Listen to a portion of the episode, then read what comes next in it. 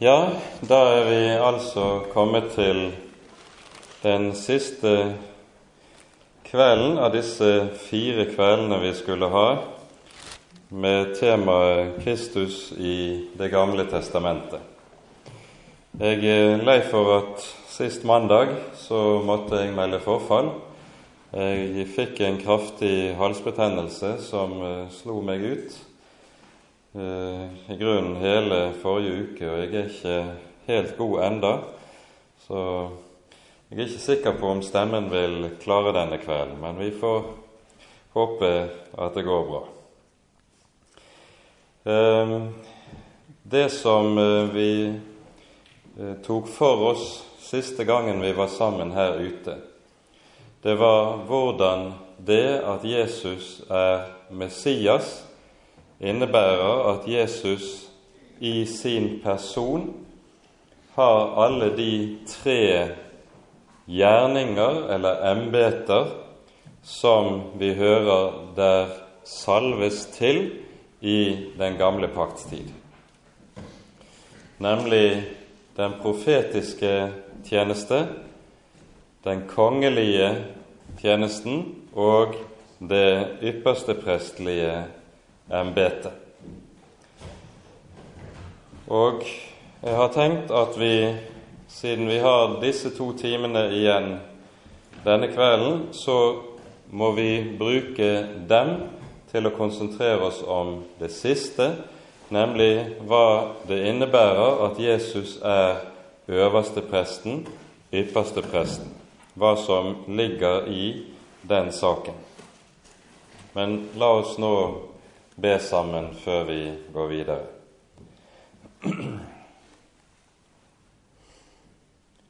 Kjære gode Herre og Hellige Far. Vi takker og lover deg for all din godhet og all din nåde imot oss. Takk, Herre, mest av alt, at du har gitt oss din egen sønn, og i ham har gitt oss en fullkommen frelse fra alle våre synder. En frelse som dekker og skjuler all vår skam, som gjør fyldest for alle våre misgjerninger, og som reiser oss av graven og gir oss del i livet. Takk, gode Herre og Hellige Far, at du har bøyet deg ned til oss slik. Nå ber vi, Herre, at du vil sende din gode Hellige Ånd, og at Han må få lov til å slippe til og virke hos oss her i kveld. At Han må få lov til å gi oss den stillhet der du selv får tale, og så få åpenbare ordet for oss.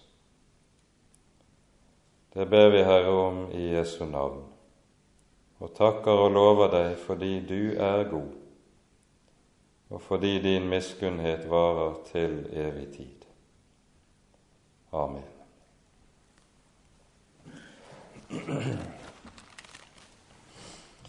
Det at Jesus er prest og øverste prest, det er noe som i Det nye testamentet særlig understrekes og behandles i Hebreabrevet.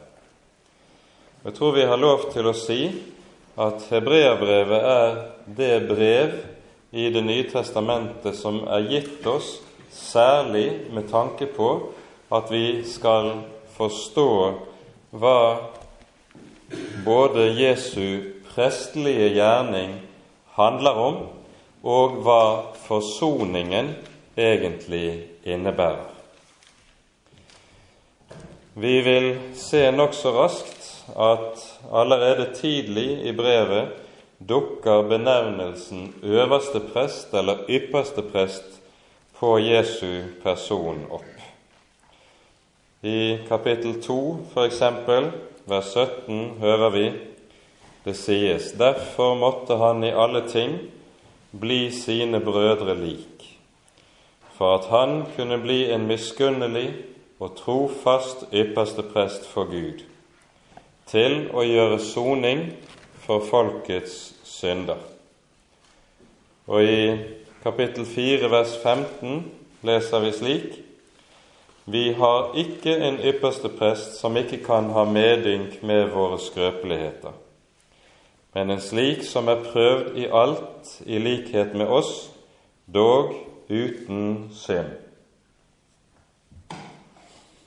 Og Likeledes i kapittel 5 møter vi det samme både i vers 1 og i vers 5 sies det slik Således tilla da heller ikke Kristus seg den ære å bli ypperste prest, men han som sa til ham, Du er min sønn, jeg har født deg i dag, like som han også på et annet sted sier, Du er prest til evig tid etter Melkisedeks vis.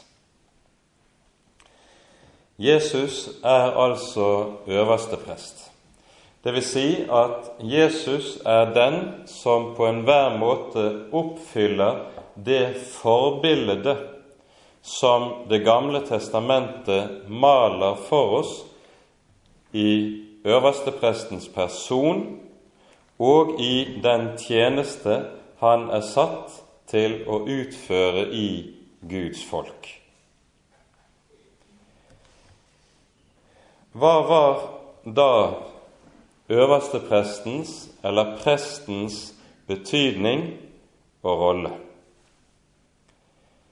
Det er slik at det hebraiske ordet for prest, det er ordet kohen, som fortsatt i dag finnes som et jødisk slektsnavn, det navnet betyr rett og slett stedfortreder. Bokstavelig skal det komme av en rot som betyr en som står opp for å føre en annens sak. Og at nettopp dette er prestens rolle i Det gamle testamentet, det fremgår uttrykkelig av en rekke sammenhenger vi finner i Mosebøkene. Og La oss her kort peke på et par viktige steder. Først 4. Moseboks 18. kapittel.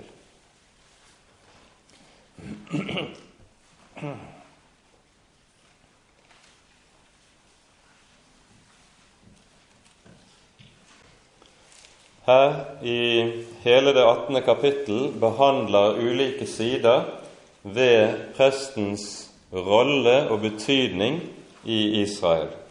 Og Allerede i det første verset leser vi slik.: Da sa Herren til Aron, du og dine sønner og hele din fars hus skal bære skylden for overtredelser mot helligdommen. Du og dine sønner skal bære skylden for overtredelser mot deres presteembete. Her sies det altså uttrykkelig og tydelig at prestens rolle består i å bære overtredelser og misgjerninger som gjøres i Guds folk. Og hva Guds hensikt med dette er, det hører vi videre i vers 5 i det samme kapittelet. Her sier Herren videre til Aron.: Men dere skal ta vare på det som skal ivaretas ved helligdommen, og det som er å ivareta ved alteret, for at det ikke mer skal komme vrede over Israels barn. Hensikten med at Aron og hans sønner altså skal ha denne prestelige tjeneste, det er at folket skal vernes mot Guds vrede. Deres stedfortredende gjerning består altså i å være en mur som verner folket mot Guds dom over deres synder. Og nettopp det er altså hva den stedfortredende gjerning innebærer. Akkurat dette kommer også meget tydelig til uttrykk i selve embetsdrakten som øverstepresten skulle bære. Det var slik at den vanlige, så å si, legeprest, for å bruke et selvmotsigende uttrykk, han hadde en drakt som bestod av fire plagg. Det var for det første den hvite kjortelen av lin. Det var beltet, det var benklærne og så huen. De fire plaggene utgjorde den vanlige prestens drakt. I tillegg til dette hadde ypperstepresten fire plagg. Og disse særlige plaggene som øverstepresten skulle bære, de anskueliggjør nettopp uttrykkelig hans stedfortredende betydning. Vi hører dette beskrives i 2. Moseboks 28. kapittel.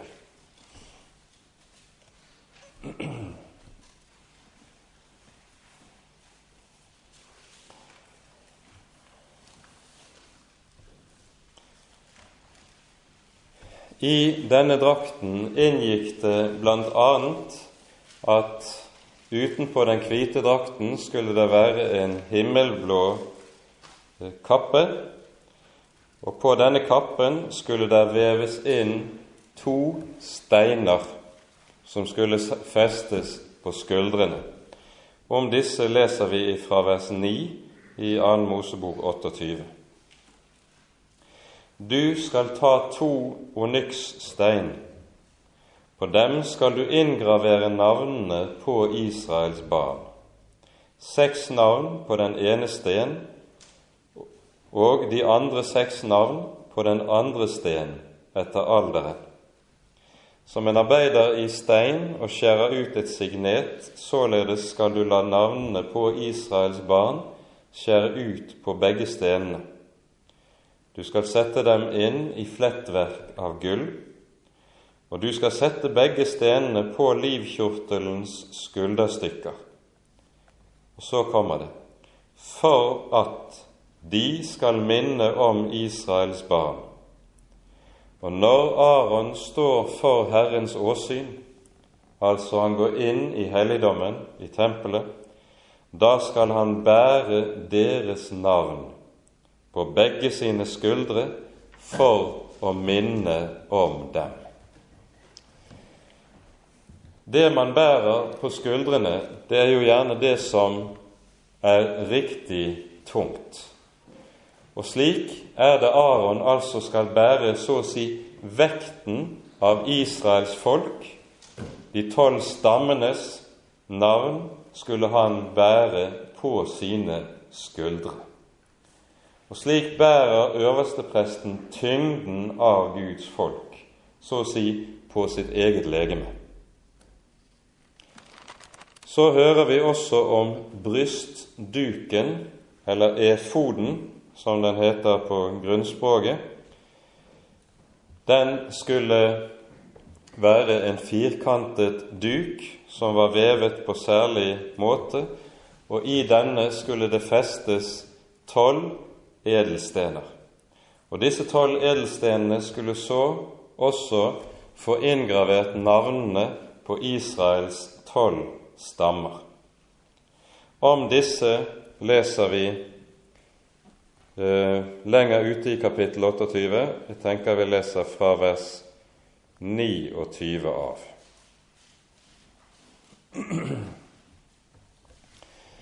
Når Aron går inn i helligdommen, skal han bære navnene på Israels barn i domsbrystduken på sitt hjerte, for alltid å minne om dem for Herrens åsyn.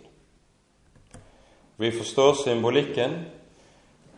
Aron skulle altså bære Israels barn på sine skuldre og på sitt hjerte og slik skal han være stedfortreder. Og Nettopp her finner vi jo den aller klareste anskuelsesundervisning på hva det er Jesus kalles til å gjøre som vår øverste prest. bære oss på sine skuldre, dvs. Si, bære hele tyngden av oss, av våre liv, av vår synd.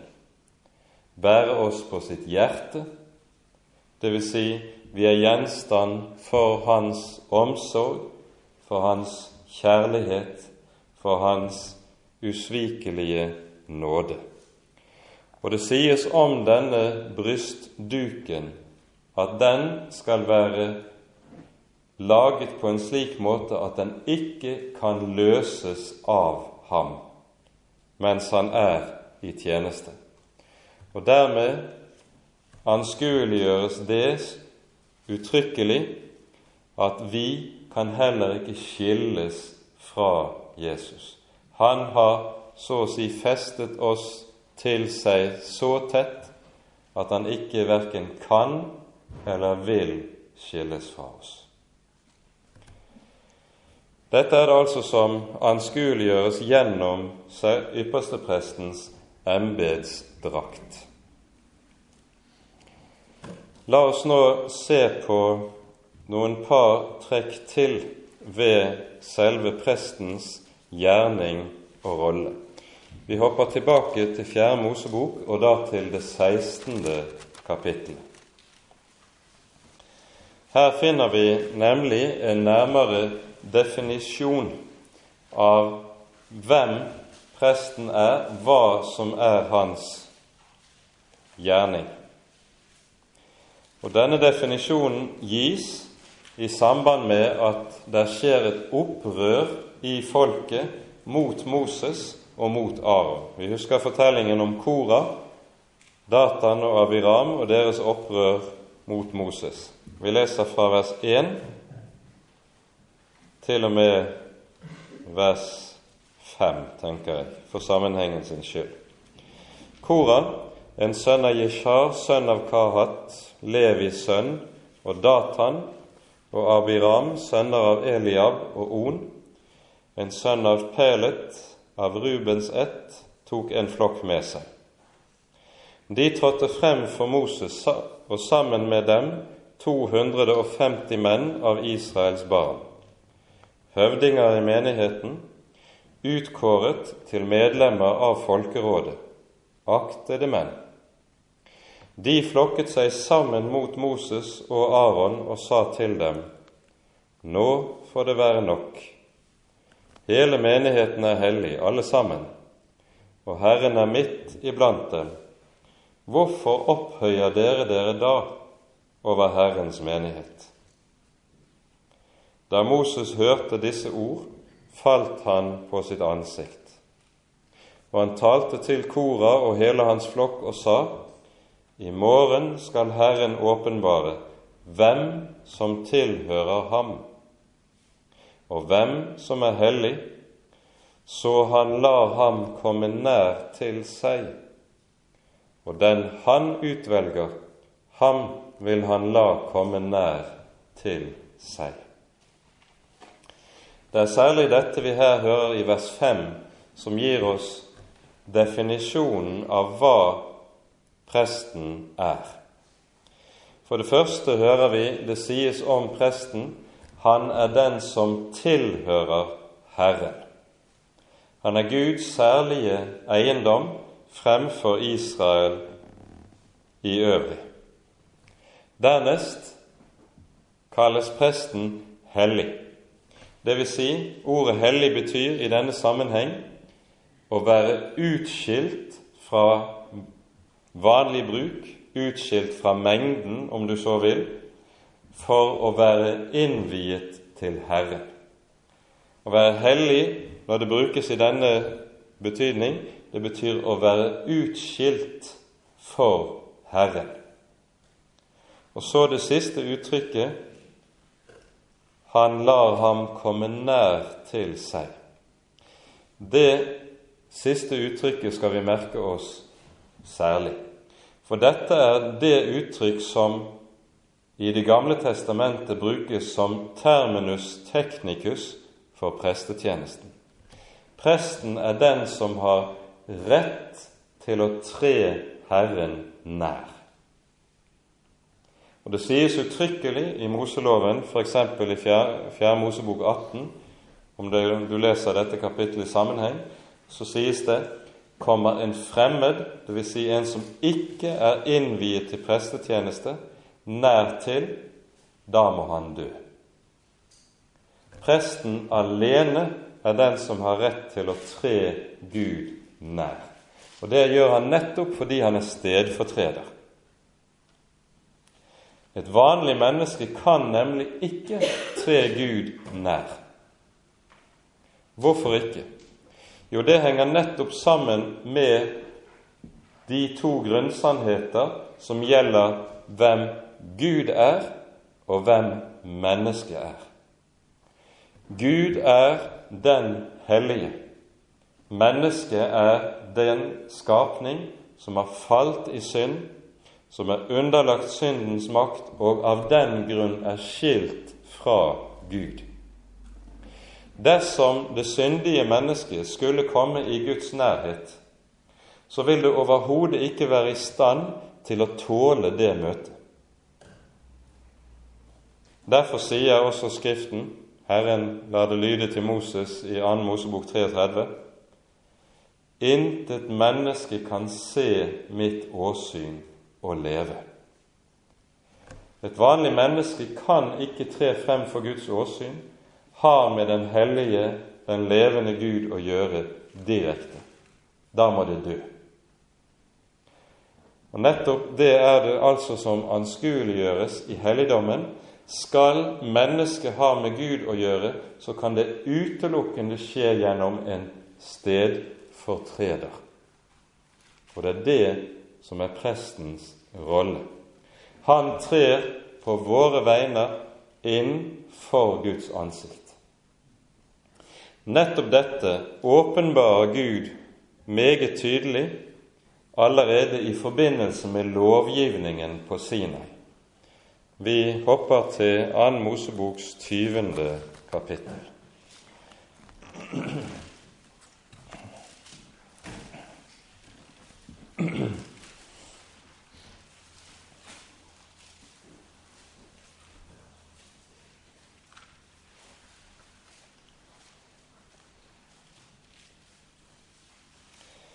I 2. Mosebok 1920 er det vi hører Gud åpenbarer sin hellige lov.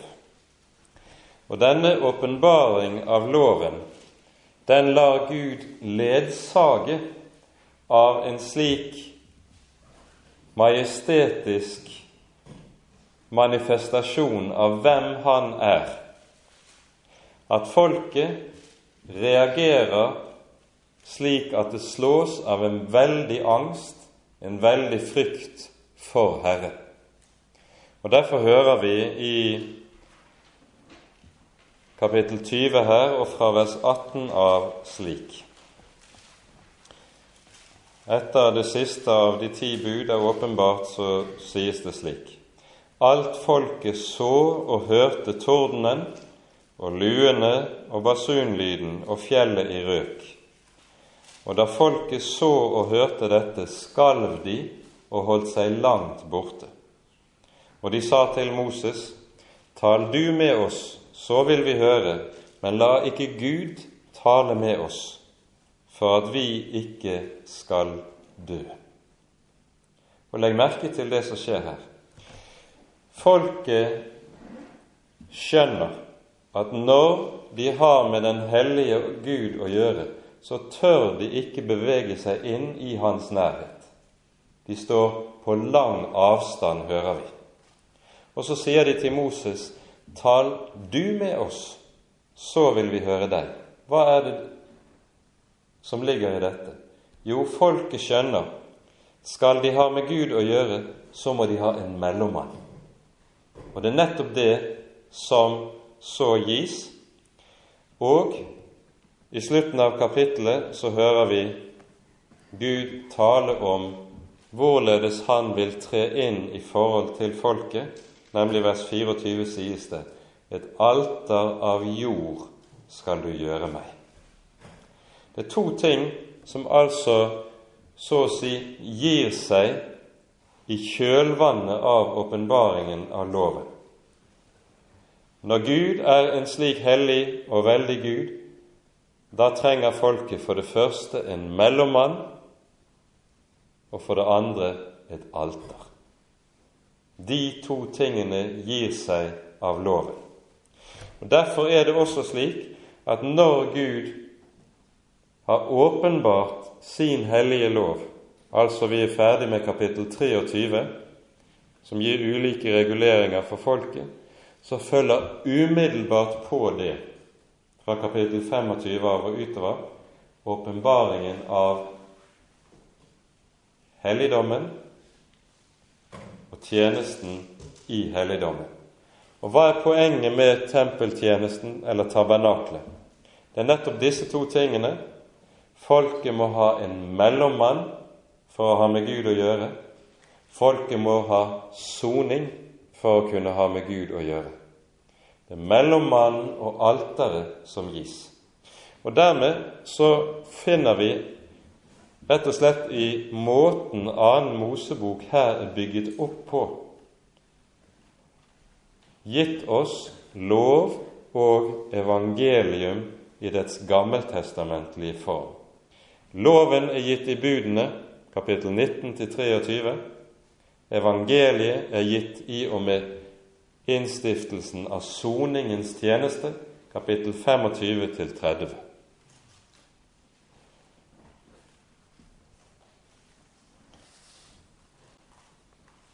Mennesket kan altså ikke selv tre Gud nær. Det er det Gud har gitt presten til å gjøre. Han er den som i folkets sted skal tre frem for Gud og slik være mellommann mellom den hellige Gud og det syndige mennesket. Det er poenget. Og nettopp dette er det så som uttrykkelig læres oss i Det gamle testamentet skal være Messias gjerning. Slå opp i Jeremias bok i det 30. kapittel.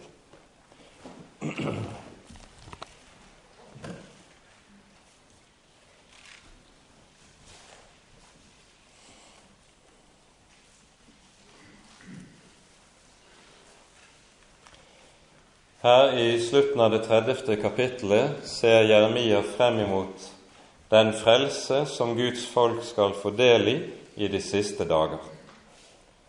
Og så hører vi fra vers 21 slik Hans herlige, altså Israels herlige, det er et navn på Messias i denne sammenheng. Hans herlige skal være av hans egen ett. Altså Messias skal være et menneske som fødes ut av Guds folks midte. Og hans hersker utgå av hans midte. Og jeg vil la ham komme nær, og han skal tre frem for meg. For hvem vil ellers våge mitt liv og tre meg nær, sier Herren. Her hører vi dette uttrykk brukes om Messias som gjelder prestetjenesten spesielt i den gamle pakt. Messias skal være den som trer Herren nær. I dette beskrives altså hans gjerning som prest. Og Nå skal vi legge merke til hva som er følgen av denne hans gjerning som prest for folket. Det hører vi i vers 22. Og dere skal være mitt folk, og jeg vil være deres Gud. Her gjentar Herren det som sies uttrykkelig er hensikten med innstiftelsen av soningens tjeneste i tabernaklet i annen Mosebok. Jeg vil bo midt iblant dere, og jeg vil være deres Gud, og dere skal være mitt folk, sier Herren. Det sies ved slutten av 2. Mosebok 29. Det er i og med soningens tjeneste Gud vil bo i folket, være deres Gud, og de skal få høre ham til. Det er i kraft av det at de får mellommann og får soning, dette virkeliggjøres. Her i denne sammenheng hos Jeremias ser vi også en annen sak som er uhyre viktig å merke seg. Det tales om Messias, og han kalles for deres hersker. Det knytter jo an til det vi har vært inne på, at Messias også er konge. Men i Det gamle testamentet er det jo slik at kongedømme og prestedømme aldri kunne forenes i én og samme person. Rett og slett fordi den som skulle inneha kongedømme, han skulle komme av Davids hus og være av Juda stamme. Den som motsatt skulle inneha prestedømme, han skulle komme fra Arons slekt, som var av Levi stamme. Men det vi her hører, er altså at han som skal være Israels hersker, han skal være både konge og prest på én og samme tid. Det er noe som ikke er mulig et, så lenge den gamle pakts husholdning står. Og dette, akkurat dette poeng behandler hebreerbrevet uttrykkelig vi slår opp i Hebreerne 7.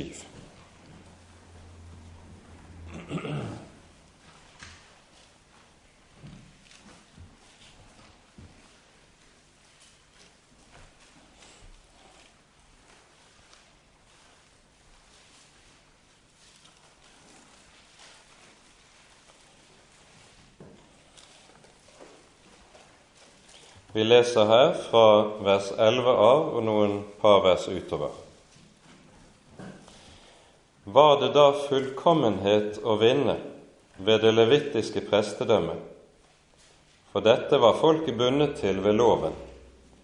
Hva trang hadde det da vært til at en annen prest skulle oppstå etter Melkisedeks vis, og ikke nevnes på Arons vis?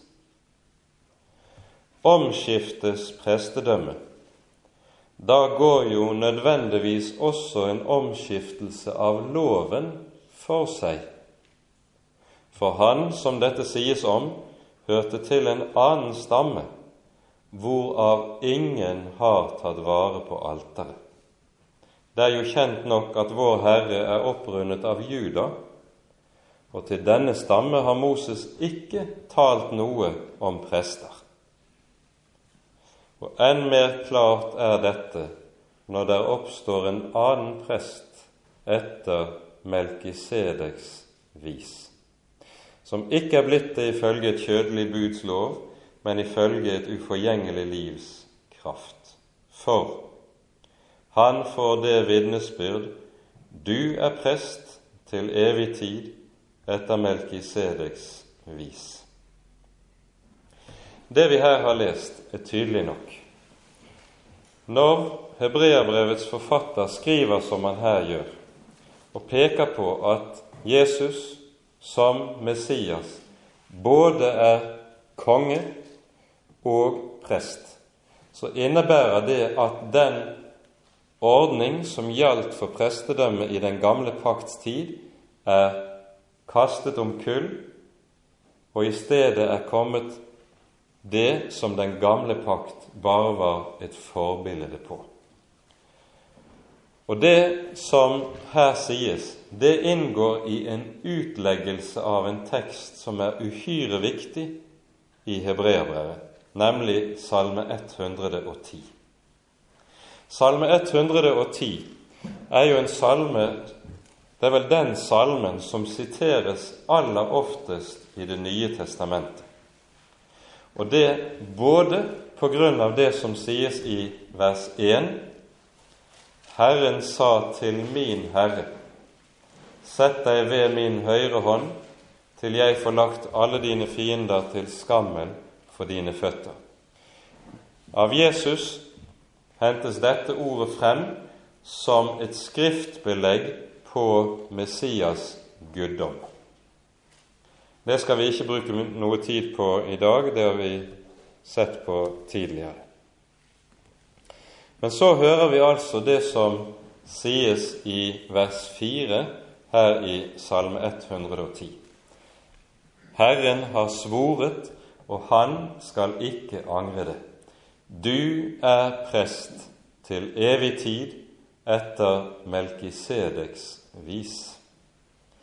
Altså han som er Herre, Messias, som troner ved Faderens høyre hånd i det høye, han som altså er kongen som har all makt i himmel og på jord. Han er samtidig også prest til evig tid. Og Da blir spørsmålet hva slags prestedømme er det da tale om? For det kan jo ikke være tale om Arons og Levis prestedømme. Jo, sies det, det er etter Melkisedeks vis. Hvem er da det?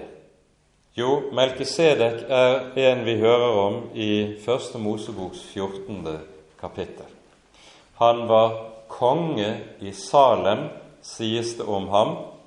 Salem var det gamle navnet på Jerusalem. Og sies det om ham han var prest for den høyeste Gud. Altså, i én person forenes kongedømme og prestedømme. Og Dette er altså noe Skriften lover om Messias når han kommer. Han skal altså være både konge og prest. Samme saken er det som Skriften peker på hos profeten Sakarias.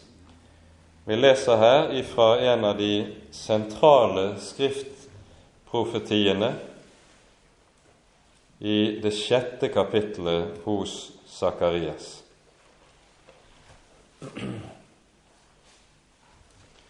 Vi leser vers 12 og vers 13.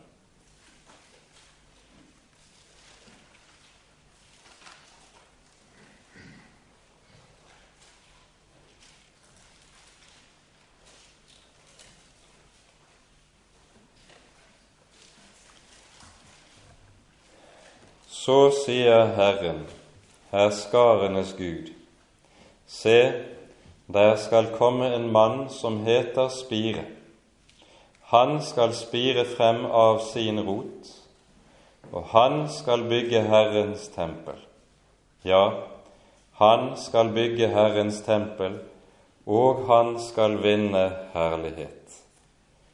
Og sitte og herske på sin kongetrone og han skal være prest der han sitter på sin trone, og fredsråd skal det være mellom dem begge.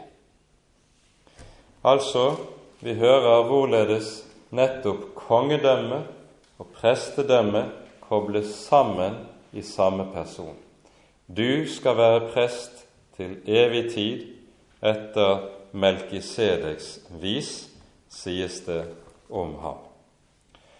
Dette er det da hebreerbrevets forfatter tar for seg og utlegger ganske detaljert i det syvende kapittelet i hebreerbrevet. Og det at Jesus, Messias, på denne måten har et evig prestedømme, det innebærer at Jesu prestelige gjerning som forsoner,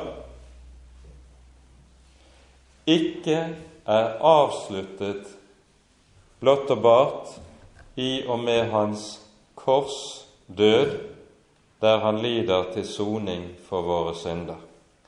Han fortsetter å virke som mellommann også etter sin oppstandelse og himmelfart. Og det er nettopp i kraft av at han er vår øverste prest. Dette understrekes i Hebreabrevets syvende kapittel når vi leser fra vers 23 til vers 25. Av hine prester, altså de som var av Arons slekt, har det vært flere, fordi de ved døden ble hindret fra å holde ved. Men denne, altså Jesus, har et uforgjengelig prestedømme, fordi han blir til evig tid. Og derfor kan han også fullkomment frelse dem som kommer til Gud ved ham, da han alltid lever til å gå i forbønn for dem. Og slik er han vår mellommann hos Gud, som lever til å gå i forbønn hos oss. Denne Jesu evige gjerning som vår mellommann og vår øverste prest, den ser vi også i åpenbaringsboken på forunderlig vis. Og vi avslutter denne timen med det. I Johannes' åpenbarings første kapittel hører vi om hvorledes den herliggjorte Jesus åpenbarer seg for Johannes på Patmos. Og så hører vi Johannes beskrive Kristus. Vi leser fra vers 12 av i åpenbaringsboken 1. Jeg vendte meg om for å se røsten som talte med meg. Og da jeg vendte meg om, så jeg syv lysestaker av gull, og midt imellom lysestakene en som lignet en menneskesønn, kledd i en fotsid kjortel og ombundet under brystet med et belte av gull. Hans hode og hår var hvitt som hvit ull, som sne, og hans øyne som ildslugger, osv. Her er det ett trekk som nettopp peker på at den herliggjorte Kristus er vår øverste prest. Det er det som sies om beltet. For Normalt så er det jo slik at et belte det er noe man har om lendene. Men her sies det at det er et belte som er festet om brystet. Og det var nettopp det som kjennetegnet øversteprestens belte. Hans belte var ikke festet om lenden, men om brystet. Og det gjaldt den lov om øversteprestens belte at det skulle ikke løses av ham så lenge han var i tjeneste. Når Kristus altså beskrives på denne måten, med belte om brystet, så beskrives han altså både som vår øverste prest og som den som fortsetter i sin gjerning som øverste prest og som mellommann for sitt folk. Jesus hviler ikke før han har ført oss frem til målet. Det er noe av det som ligger i det som her sies. Og Med det setter vi punktum for denne første av kveldens timer. Ære være Faderen og Sønnen og Den hellige ånd, som var og er og være skal, en sann Gud, høylovet i evighet. Amen.